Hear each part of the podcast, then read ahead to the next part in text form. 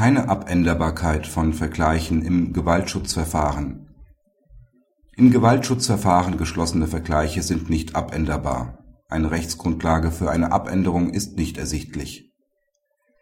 Die Kindeseltern schließen 2006 im Rahmen eines von der Mutter eingeleiteten Gewaltschutzverfahrens einen Vergleich, in dem sich der Vater zu einem zeitlich unbefristeten Kontaktverbot verpflichtet nun begehrt der Vater im Wege der Abänderung, dass die Mutter keine Rechte aus dem ursprünglichen Vergleich mehr herleitet. Das Amtsgericht befristet den Vergleich daraufhin auf 18 Monate. Die hiergegen gerichtete Beschwerde der Mutter hatte Erfolg. Es besteht keine Rechtsgrundlage.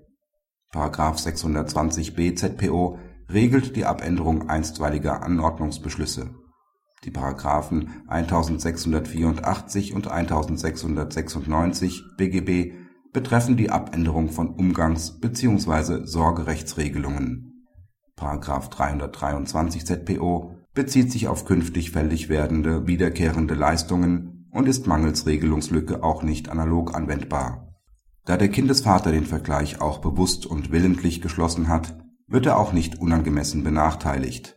Der Grundsatz der Verhältnismäßigkeit ist somit auch nicht betroffen der Kindesvater hat stattdessen den Weg über Sorge bzw. Umgangsverfahren zu wählen, da ihm der Rechtsweg dazu offen steht. Im Rahmen dessen ist aus Kindeswohlsicht zu entscheiden, ob und in welchem Umfang Kontakte unter Aufhebung oder Einschränkung des geschlossenen Vergleichs in Betracht kommen. Praxishinweis Die Entscheidung des Senats zeigt wieder einmal, wie wichtig es für die Verfahrensbevollmächtigten der Parteien ist den genauen Wortlaut von Vergleichen und deren Tragweite im Vorfeld zu überdenken und die Parteien entsprechend zu belehren.